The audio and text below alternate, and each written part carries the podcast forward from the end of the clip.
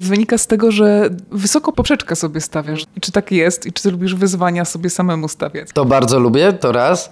Dwa, dziękuję, że tak mówisz, też tak uważam. A trzy, no nic, to oznacza, że, że muszę kolejny raz, będę musiał się zmierzyć z tym, że ja nie lubię robić regresów wszelkich, więc już sobie, że tak powiem, zapuściłem taki gwarant na to, że na następnej będę musiał się jeszcze bardziej postarać, bo sam wiem, że na tym albumie poszło parę linijek takich, że no po prostu słyszę od ludzi, słyszę od swoich zaufanych poetów, braci i sióstr, że jest wysoko. I sam jestem ciekawy tego, jak em, jakoś ta kreatywność jeszcze we mnie jest i ten dobór słów i decyzje, które po, podejmuję po drodze, może te bambinizmy właśnie i że mogę sobie zaufać w tej kwestii literackiej, tak, że, że może to nie jest zawsze poprawne, ale jest po mojemu, jest szczere i trafia do ludzi. No a muzycznie, bo jest bardzo różnorodnie. PRL jest taki densowy, taki nóżka się przy tym rusza, jest dużo, dużo melancholii. Jak w ogóle chciałeś, żeby to brzmiało? Em, właśnie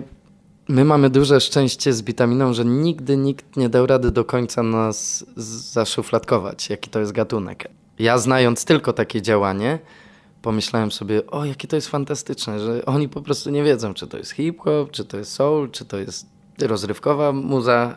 Więc na tym mi bardzo zależy i to w ogóle w wszelkich swoich artystycznych decyzjach. Więc robiąc ten album z Beatbiurem, czyli Brian Masaka, a Marziębiński i ja właśnie, powiedziałem chłopakom, słuchajcie, bardziej niż kiedykolwiek nie trzymamy się gatunków, czyli jeśli ktoś z was da mi hip-hopowy beat, to następny beat, który mi wyśle, nie może być, ma być jak najbardziej skrajnie niepodobny do tego, co wysłaliście mi wcześniej. Do tego dochodzi fakt, że ja z chłopakami współ- współpracuję na co dzień, jeździmy na koncerty razem i tak dalej, miałem ich blisko i na przestrzeni lat ja już sobie wybierałem na ten album powoli jakieś bity, które, o których wiedziałem, że o, to będzie tu, to i to się nic nie zgadza. Jak oni zobaczyli wór tych bitów, to powiedzieli, to jaki to jest album?